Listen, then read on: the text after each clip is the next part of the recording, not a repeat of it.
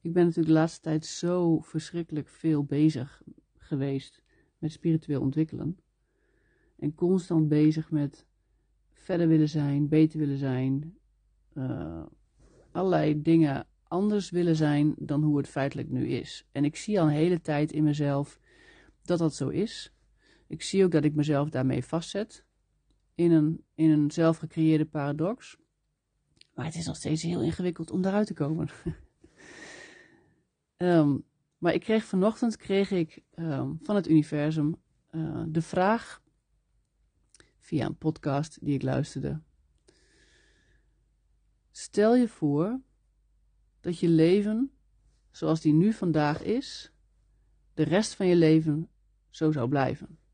Ik heb dus nu de garantie dat de rest van mijn leven zo blijft zoals mijn leven nu is. Met hetzelfde huis, met dezelfde vrienden, dezelfde uh, baan, met dezelfde, nou, gewoon alles. Dezelfde financiële situatie, alles is hetzelfde.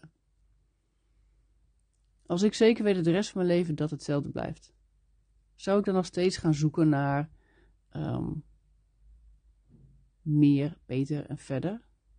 Naar nog een grotere guru worden? Naar allerlei cursussen en trainingen doen, omdat ik dan pas echt weet waar ik het over heb. En dus ook dan pas echt, nou ja, van alles kan doen. het is allemaal zo voorwaardelijk. En um, ik weet natuurlijk al heel lang dat het zo werkt. Maar weet, iets weten is wel echt iets anders dan het ook te voelen, echt te zien. En uh, deze vraag klikte bij mij vanochtend op zo'n diepe laag in. Dat ik eigenlijk de hele dag mezelf al meerdere keren eraan heb herinnerd om echt even terug te gaan naar het nu-moment. En ik kan dat heel goed bij andere mensen. Ik kan heel goed andere mensen laten zien hoe ze terug moeten naar het nu. Maar het vervolgens zelf ook doen, is nog wel echt even een ander dingetje. Dus um, ja, die vraag bracht me eigenlijk heel erg terug naar het hier en nu. Wat nou als ik niks meer hoef te ontwikkelen?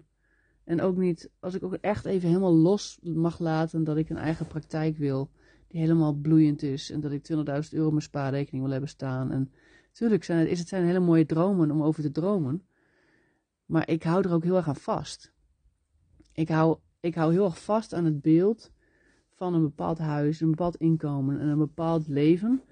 Um, want dan ben ik gelukkig. En doordat ik daaraan vasthoud, aan dat toekomstige beeld, zet ik eigenlijk de energie, de hele levensenergie, zet ik gewoon vast. En ik, ook dat weet ik, weet ik heel goed hoe dat werkt. Alleen mijn hoofd heeft daar inmiddels zoveel kennis over, dat het mij gewoon vastzet in kennis. Ik zet mezelf voortdurend vast in kennis. En daardoor zie ik het niet meer echt. Daardoor ervaar ik het niet meer echt. Daardoor ben ik dus constant bezig met de toekomst en niet met het hier en nu.